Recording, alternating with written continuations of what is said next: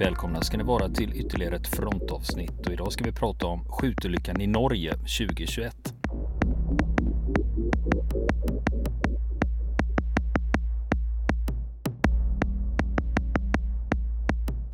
Ja du Niklas, nu ska vi prata om en grej som har gått mig helt spårlöst förbi. Ja, och mig Helt med. otroligt va? Ja. Mig med, när du berättade om det här för, för mig lite innan sen, innan vi spelade in det här, Mm. så, så eh, blev jag också rätt överraskad för att jag, jag har aldrig hört talas om det här. Nej, utan det här var först i, nu i maj 2023 som jag hörde talas om det här överhuvudtaget. Och när svenska medier rapportera att det var att en svensk soldat hade blivit åtalad.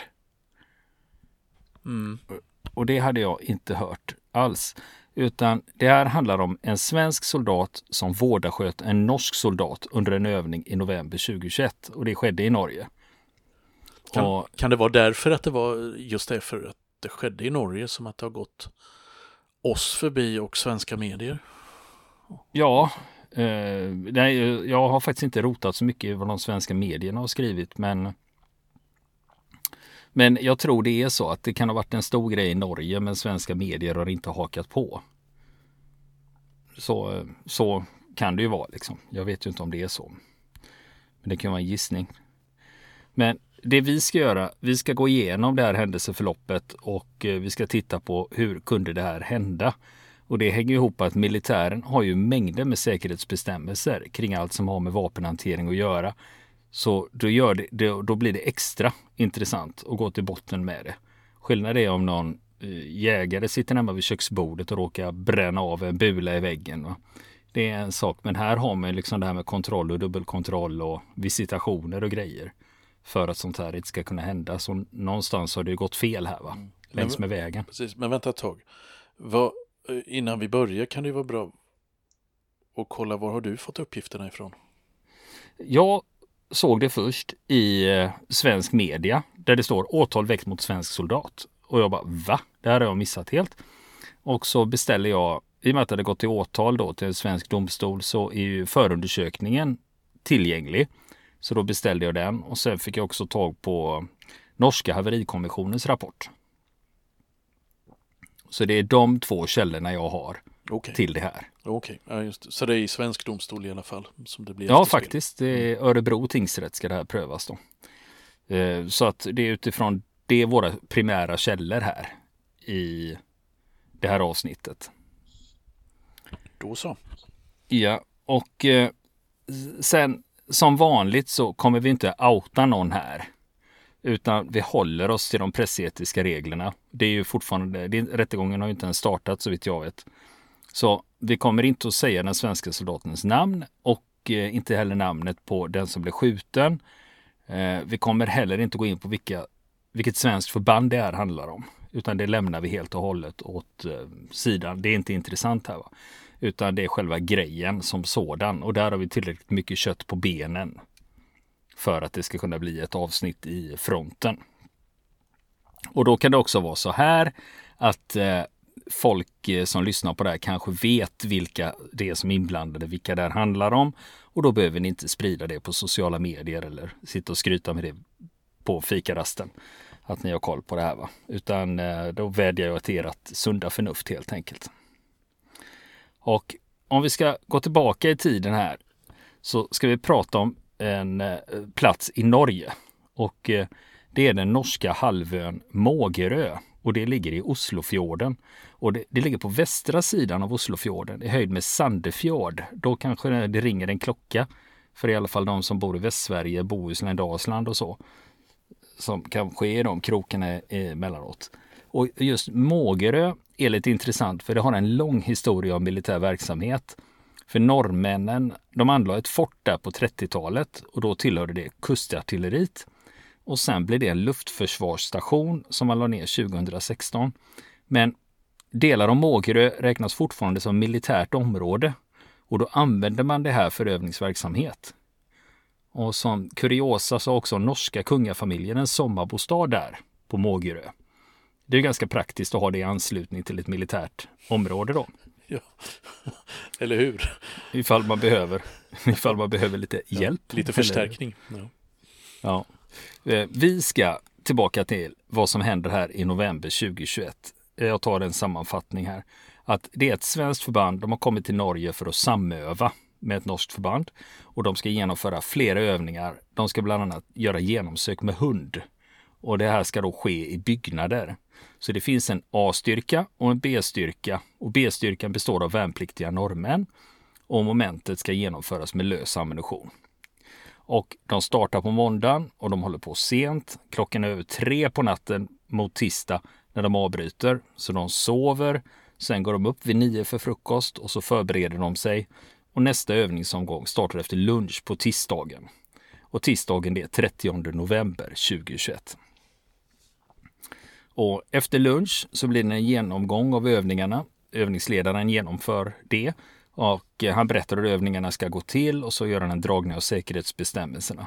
Men det man inte genomför här, och som inte har genomförts på måndagen heller, det är visitation av vapen och magasin före lösskjutning. Eh, det är ju så att eh, majoriteten av de som lyssnar på det här har ägnat sig åt militär verksamhet i olika utsträckning. Och då gör man ju en visitation före lösskjutning eller en visitation före skarpskjutning. Det är att man kollar att det är ordning på grejerna. Va? Och på lösskjutning då så kollar man att den här lösskjutningsanordningen sitter fast och att man inte har några patroner med sig och sådana saker.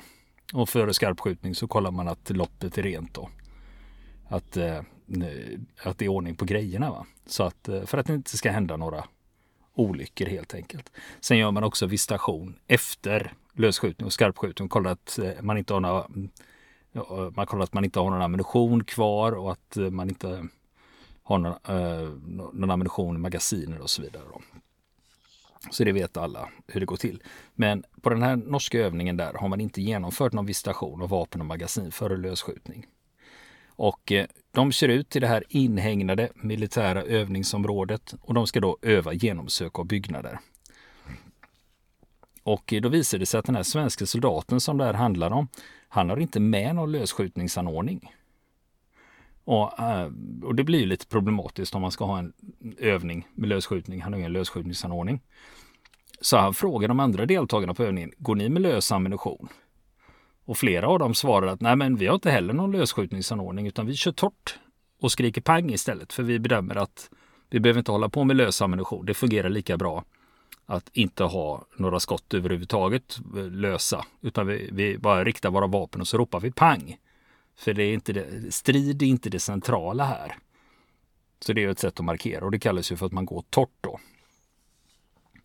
Och eh, när den svenska soldaten får höra eh, några av norrmännen som säger att ja, vi kör torrt, vi skiter i det där med lösplugg. Då säger han, ja men då går jag också torrt. Och så ropar jag också pang då. Och nu är det egentligen så här om man ska lusläsa sådana här säkerhetsbestämmelser. Så är det så att om du ska gå torrt, då ska du plocka bort vital del på vapnet. Oftast är det ju det ett slutstycke eller något motsvarande ur mekanismen som gör att vapnet inte kan fungera överhuvudtaget. Även om du skulle råka ha en patron. Men det gör inte den här svenska soldaten utan han går med vapnet som vanligt utan att plocka bort eh, någon vital del ur sin automatkarbin. Och som exempel där på tisdagen då när de övar. När de är utomhus så blir de beskjutna på avstånd och då lyfter han sin karbin och bara skriker pang. Och eh, sen när de går framåt så ramlar hans magasin ur vapnet och ner i snön. Och det är två decimeter snö vid det här tillfället. Så han tar upp magasinet, kollar att det inte är någon snö i vägen på magasinet och så sätter han in det i vapnet igen. Och de undersöker en av byggnaderna och går vidare till nästa byggnad. Och den svenska soldaten han går som nummer två efter patrullchefen. Och när de kommer fram till den andra byggnaden, då skickar den svenska soldaten in en hund i byggnaden först för att söka av byggnaden och kolla om det är någon där. Men hunden hittar ingenting och markerar att det är tomt, så då går de in. Och då visar det sig att B-styrkan har satt upp en barriär innanför ingången för att hindra hunden från att komma in i byggnaden och söka av den ordentligt.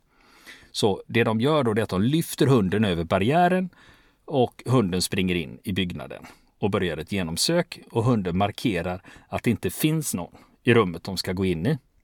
Och patrullchefen och den svenska soldaten går in i rummet. Det är ganska mörkt och de har inte upptäckt att det finns en skorsten i rummet som man kan gömma sig bakom.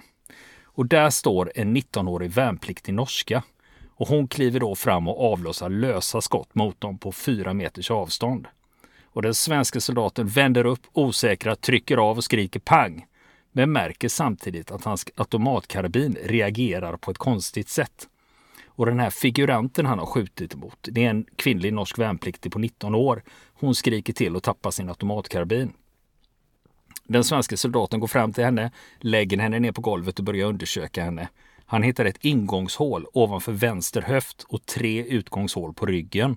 Och han tar fram sitt sjukvårdskit och lägger förband. Och då ansluter fler och tar över omhändertagandet. Och den svenska soldaten är hela tiden orolig över hur det ska gå för den norske värnpliktige. Och efter ytterligare ett tag så kommer polis och ambulans till platsen och kvinnan förs så småningom med ambulanshelikopter till sjukhus i Oslo där hon opereras för sina skador. Och polisen gör en teknisk undersökning av platsen, tar med sig vapen, magasin, tomhylsor och annan utrustning som uniformspersedlar, stridsvästar, stridsvästar med mera. Då. Och den svenska soldaten får följa med polisen för ett inledande förhör. Sen släpps han och då vidtar militärens debriefing av händelsen. För militären har sina egna rutiner när det gäller sådana här händelser. Så då rullar den kedjan igång. Och eh, sen ska den här svenska soldaten in på förhör hos norska polisen nästa dag igen. Och det här var ju då sammanfattningen av vad som har hänt. Nu är det dags för detaljerna och försöka hitta svaret på frågan som alla ställer sig. Hur kunde detta hända? Det är ju det som är 10 000 kronors frågan här. Ja, för det, jag fick ju intrycket av att magasinet var tomt. Ja, eh, absolut. Och det är det vi ska luska i nu. Vad det är som kan ha hänt här. Eh, för polisen och eh, Nationellt forensiskt centrum i Linköping, de har en teori om vad som har hänt här. Och det är där jag kommer att dra också. För om vi backar upp lite i den här storyn. Den här svenska soldaten, han har lång erfarenhet av att hantera vapen och ammunition. Han är alltså anställd av Försvarsmakten. Så han är ingen rookie eller värnpliktig. Utan han har hållit på med det här i många, många år. Och eh, senaste gången han hade använt sin automatkarbin innan Norgeresan, det var två veckor innan. Och då hade han varit på en skjutbana och skjutit skarpt. Och efter skjutpasset så drog han rent sin pipa med en bore snake. En Boresnake det är ett eh, sladdliknande rengöringsverktyg i textil. Det har man för att dra bort krutrester och annan skit ur pipan. Eh, vi som då hade AK5 eller AK4 när man hade eh, läsklina med lindelappar. Eh, det här är en civil variant och jag tycker själv den är jävligt bra. Det är en personlig åsikt. Vi är alltså inte sponsrade av Boresnake. Och det finns givetvis andra tillverkare av utrustning för vapenvård. Nej, jag skojar bara. det är sånt man håller på med i public service då. Men ja, hur som helst, Boresnake, han hade, han hade dragit igenom pipan och var ganska övertygad om att jag har ingen patron i vapnet. Va? Eh, han hade förvisso dragit rent vapnet, men när han sitter i polisförhör då kan han inte minnas om han tömt magasinen på överbliven ammunition. Men han säger att han kollade att magasinen var tomma innan han reste till Norge. Och i alla de här polisförhören så blir det väldigt mycket sådär att han, han, han, han kan ha svårt att minnas detaljer. Så här att ja, men det borde jag ju rimligtvis ha gjort för det är ju så man gör. Men jag, liksom, jag kan inte säga att jag gjorde det ungefär. Han jämförde ungefär med att eh, som man går utanför, eh, man går hemifrån och så eh, kommer man på det, låste jag dörren eller inte? Och då ska man då komma ihåg om man har gjort det två veckor innan. Låste du dörren för två veckor sedan? Ja, det borde jag ha gjort för jag gör ju alltid det. Så det är sådana resonemang de hamnar i när det gäller, eh, när det gäller förhören då. Och nu är det så här att den här stridsvästen som den svenska soldaten använde hade magasinsfickor monterade på bröstet. Och i den här förundersökningen som polisen har gjort, där för de fram en teori. Och teorin bygger på att det har legat en skarp patron i en av magasinsfickorna. Och när han har tryckt ner tomma magasin i fickorna, då har patronen tryckts in i ett magasin. Men då kommer ju nästa fråga. För att patronen ska in i patronläget, alltså loppet, då måste man göra en mantelrörelse. Och soldaten själv, han minns inte om han har gjort mantelrörelse överhuvudtaget och han kan inte komma på varför han skulle ha gjort det heller. För det är ju jättekonstigt om du har ett tomt magasin som du stoppar i för att du ska gå torrt. Du har ingen anledning att göra mantelrörelse. Så det blir en fråga där också som blir hängande i luften. Men vi ska jag ska läsa vad den svenska soldaten själv berättar i polisförhöret med svenska polisen då. Och då börjar vi rätt in i händelserna. När de har klivit in i rummet, hunden har markerat att rummet är tomt. Då berättar han så här. Och här någonstans, några meter ifrån, så öppnar figuranten eld med lösplugg mot mig och jag bara instinktivt vänder upp och säger pang och inser ju direkt den här mikrochocken liksom att det här, det, här, det här var fel. Det är något som inte stämmer här nu.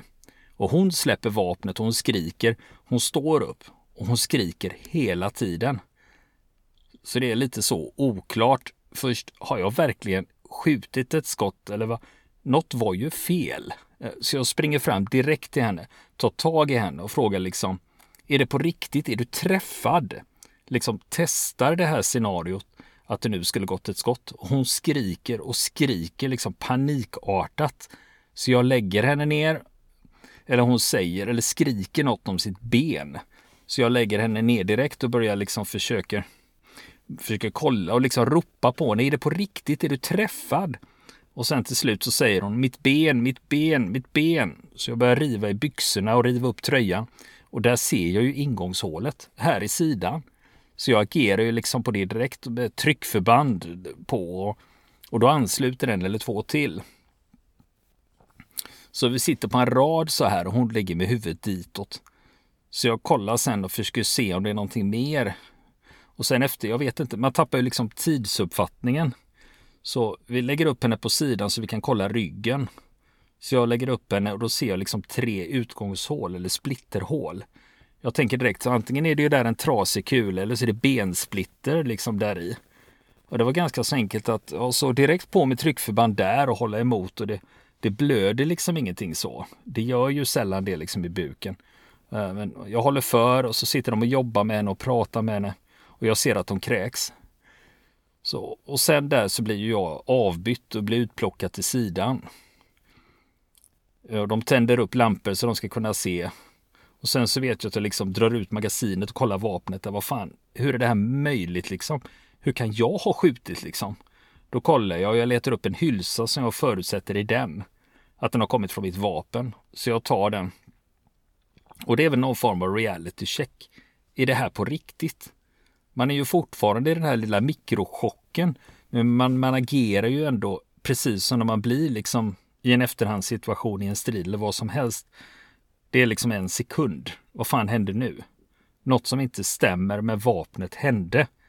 Och sen så direkt på och agera med det liksom. Att ta upp den där hylsan, sitter kvar där sen om det lyser, sen gå ut därifrån. Jag hjälper en annan kollega och sätter mig i rummet bredvid. Så där sitter vi egentligen och väntar tills polisen kommer. Jag lämnar vapen och magasin och en hjälm där tror jag och hylsan. Jag säger det till polisen att den ligger där. Sen går jag in i en annan byggnad där vi var förut. Vi sitter där några timmar och väntar. Det är mycket roddande runt omkring. Och sen får jag följa med in till polisstationen i Tonsberg. Kanske det, kanske det heter Tönsberg. Ja, Tönsberg. Och det var det som eh, den svenska soldaten berättar i polisförhör. Hur han har upplevt den här händelsen. Så det var ganska ordagrant redogjort. Och det var han som gissade på Tonsberg eller Tönsberg där. Men det är den svenska soldatens historia. Sen har vi den 19-åriga värnpliktiga norskan. Hon var 19 år och gjorde lumpen som hundförare på norska hundskola. Och hon är vältränad och i bra form. Hon har bland annat på med crossfit på fritiden. Hon har mamma, pappa, två bröder och en pojkvän. Och på det här övningsmomentet så agerar de figuranter och hon är beväpnad med en automatkarbin med lösskjutningsanordning och lösa skott i magasinet. Hon tillhör B-styrkan. Och när A-styrkan söker igenom en byggnad kliver hon fram och avlossar några skott mot dem. Den svenska soldaten svänger runt, trycker av och skriker samtidigt pang. Och hon träffas i nedre vänstra delen av buken, tappar sin karbin men förblir stående mot en vägg. Den svenska soldaten kommer fram och frågar hur det är, lägger henne ner och påbörjar första hjälpen. Och sen tar andra över. Och den ungefärliga tiden för olyckan det är klockan 15.55 Ambulansen får larmet 15.57, rycker ut 16.00 och är framme 16.28. Och de har 41 kilometer till olycksplatsen. Så det är en bit att köra dem. Och ambulanspersonalen när de kommer då tar de över omhändertagandet av henne och de kör henne till en ambulanshelikopter som har kommit dit. Och sen flyger man henne till Ullevåls sjukhus i Oslo. Och det är runt 9 mil fågelvägen. Och hon ankommer där 17.42. Och då är hon vaken och talbar när de väl kommer dit. Och eh, det första de gör när hon kommer till Ullevål, de röntgar henne och de ser flera fragment från kulan i buken och vid femte ländkotan. Och de för in henne direkt till operation. Och hon har skador på magsäck, tunntarm, tjocktarm och en nervrot vid ryggen. Plus då att bukhinnan och bukväggen är perforerade. Och de opererar och lagar magsäcken, de lagar de skadade delarna av tunntarmen och tjocktarmen. Så de gör så att de delarna på tunntarmen och tjocktarmen som är skadade, de tar man bara bort och så syr man ihop de friska ändarna då. Och eh, det här kräver två operationer, så man gör en först när de har kommit in och sen gör man ytterligare en operation dagen därpå. Så man gör klart det då. Så ner på Ullevål. Hon kommer ju dit 30 november och hon är kvar på Ullevål fram till 14 december. Då förs hon över till Sunnås sjukhus för rehabilitering. Och där är hon en månad för rehab och utvärdering innan de skriver ut henne då. Och hon är fortsatt sjukskriven sen i hemmet. Och hennes skador det läker bra, men hon har problem med känselbortfall i vänster ben och fot. Och enligt rättsintyget, det när något ska prövas rättsligt så är det en rättsläkare som skriver ett rättsintyg på skadorna. Då. Och eh, den här rättsläkaren skriver då att eh, eh just de här känselbortfallen i vänster ben och fot, Eh, där de problemen kvarstår och rättsläkaren säger att nervskador tar lång tid att läka. Det kan ta ett eller två år om det överhuvudtaget blir helt återställt. Men trots det så bedömer läkarna att hon inte har någon förändring när hon går. Hon går precis som vanligt, men själv känner hon av det här vid löpning. En annan grej som har drabbat henne, det är de här operationerna hon har gjort på magsäcken och tarmarna. Det innebär att hon måste äta mindre portioner och oftare. Ungefär som du vet överviktiga som gör magsäcksoperationer. Som inte kan äta så mycket per gång. Va? Och hon är ju van vid att eh, träna mycket och så. så och hon har svårt då liksom att få i sig tillräckligt med mycket mat helt enkelt för att kunna hålla det här tempot. Och eh, när hon är på Sunnås sjukhus på rehaben där, då får de frågan vad har du för målsättningar? Och hon svarar att ah, det är att komma tillbaks till militären och att börja träna crossfit igen. Det är det hon har tänkt sig. Och sen går det ett bra tag här eh, under tiden som utredningen pågår och Nationellt forensiskt centrum får ju utrustningen till sig så de får testa den. Och eh, om vi då pratar om just eh, den norska hundföraren här. Att eh, den 31 mars 2022 då genomför norska polisen ett telefonförhör med henne. Och då är hon tillbaka på sitt förband. Hon har i och för sig fått anpassad tjänst. Och vid det tillfället när de pratar med henne, då har hon nedsatt känsel på insidan av vänstra låret. Och hon har också problem ibland med vänster fot och hon tar fortfarande smärtstillande medicin. Och eh, när de frågar henne hur ser du på de här rättsliga aspekterna efter olyckan? Då säger hon att det var flera små fel som ledde fram till den. Men hon ställer sig eh, bakom att den misstänkte åtalas och prövas i domstol för skadorna som han har åsamkat henne. Och eh, sen är det ju fler som förhörs här, bland annat den svenska soldatens befäl eh, vill, de ju, vill polisen prata med för att höra vad han har för input i det här. Då. Och eh, i förhöret med honom, där pratar de väldigt mycket om säkerhetsbestämmelserna som styr den militära verksamheten och hur mycket soldaterna kan om säkerhetsbestämmelserna. Och hur tillämpas de i praktiken? Håller man sig till dem eller gör man avsteg? Och det handlar väldigt mycket om rutiner vid lösskjutning och detaljerna vad som faktiskt gäller om man ska gå torrt att ska du gå torrt ska vital del bort från vapnet och det är de bägge överens om. Och sen om man då läser den här svenska förundersökningen så kritiserar man den norska övningsledaren för att han inte har genomfört visitation av vapnen inför övningen. Och de uttrycker det att antagligen beror det på att han visste att de som var med var rutinerade och litade på att de hade ordning på grejerna.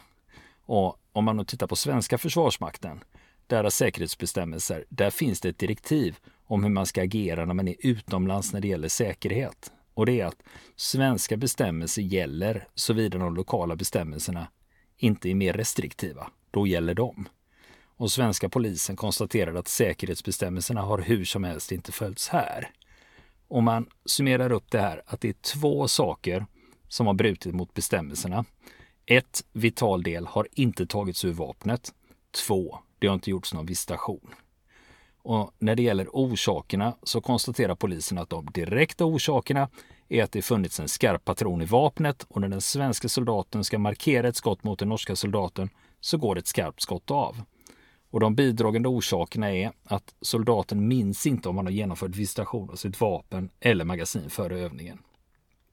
Och övningsledaren hade inte visiterat vapen och magasin före övningsmomentet.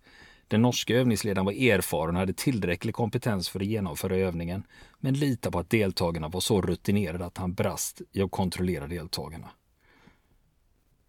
Bidragande orsak är också att soldaten hade ovetandes en skarp patron i patronläget och han hade inte tagit ur vital del ur automatkarbinen.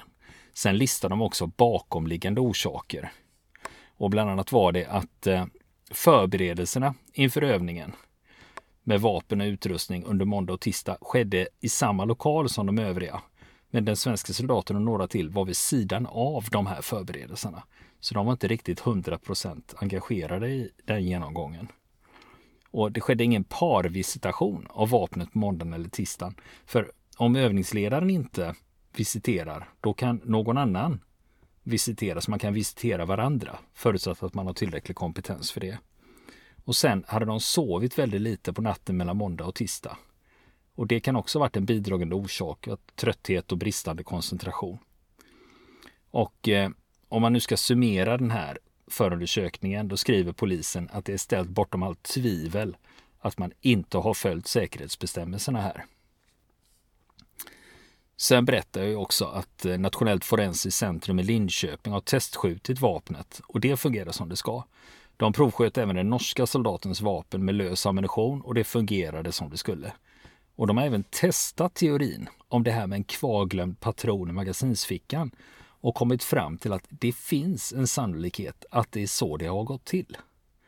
Och den norska haverikommissionen, de skriver i sin rapport att det måste ju varit så att han har gått med en skarp patron i loppet. Men i de tidigare momenten där de har blivit beskjutna på avstånd, då har han inte uppfattat hotet som lika stort. För vid de tillfällena har han ju inte osäkrat och tryckt av. Men i byggnaden där skjutolyckan skedde, där trodde han att rummet var tomt eftersom hunden inte markerat. Och när han överraskades av eldgivning snett bakifrån så gick allt på automatik. Vänder upp, osäkra, trycker av. Och eh, nu är vi framme i maj 2023. Åtal är väckt och det kommer avgöras i tingsrätten i Örebro så småningom. Och det här åtalet det gäller grovt vållande till kroppsskada. Just det. Man får ju, precis som du säger där då, att det, det är ju inte rättsligt prövat än då. Det, det, det här är ju åklagarens eh, och polisens förundersökning. Och eh, vi vet ju inte än hur eh, den här eh, misstänkte soldaten och eh, hans juridiska ombud kommer att lägga fram sin version av det under rättegången. Nej, precis. Men än så länge, det man läser i förhören här, det är ju att han vidgår ju, det vill säga han erkänner ju de faktiska omständigheterna, vad det är som har hänt, hur det här har gått till. Men, eh, men sen har vi fortfarande, det är ju fortfarande juridik det här. Va?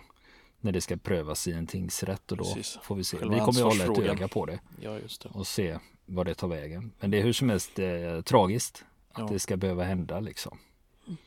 Och en sån jäkla otur om det nu är på det sättet att det har att det har varit en kula, en patron som legat i fickan så att säga och som alltså med alltså de möjligheterna att det skulle kunna hamna i, i, i ett magasin är ju ja, de är ju inte stora känns det som.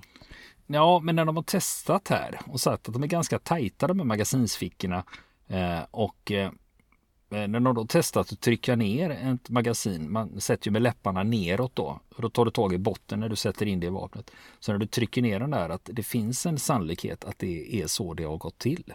Och då har man ju förklaringen till hur patronerna hamnat i magasinet. Men sen kommer vi bara för att du har en patron i ett magasin och du stoppar in det i ett vapen så måste du fortfarande göra mantelrörelse för att det ska hamna i patronläget. Mm. Och Där har vi också ett frågetecken. För han, har ju, han säger ju själv att han drog ju rent pipan efter skarpskjutningen. Mm. Och då, det går ju inte att göra om du har en patron i patronläget. Ja, just det. Ja, och han är ju ingen nybörjare här. Han har hållit på med det här i många år. Mm. Så, så, vi får väl se. Ja. Men det är tragiskt hur som helst. Och det är ändå, jag kan väl ändå säga att det är lite tur och otur att hon, eh, hundföraren, den norska hundföraren, hon har ändå hämtat sig ganska bra utifrån de här skadorna. Mm. För i förundersökningen så ställer man också frågan så här, var de här skadorna livshotande?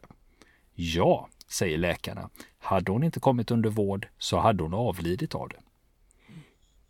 Mm. Så det är ju också, en, där, skriver, där sätter man ju också allvarlighetsgraden. Ja, skador i buken är ju, skottskador i buken är ju kritiskt. Mm. Som sagt.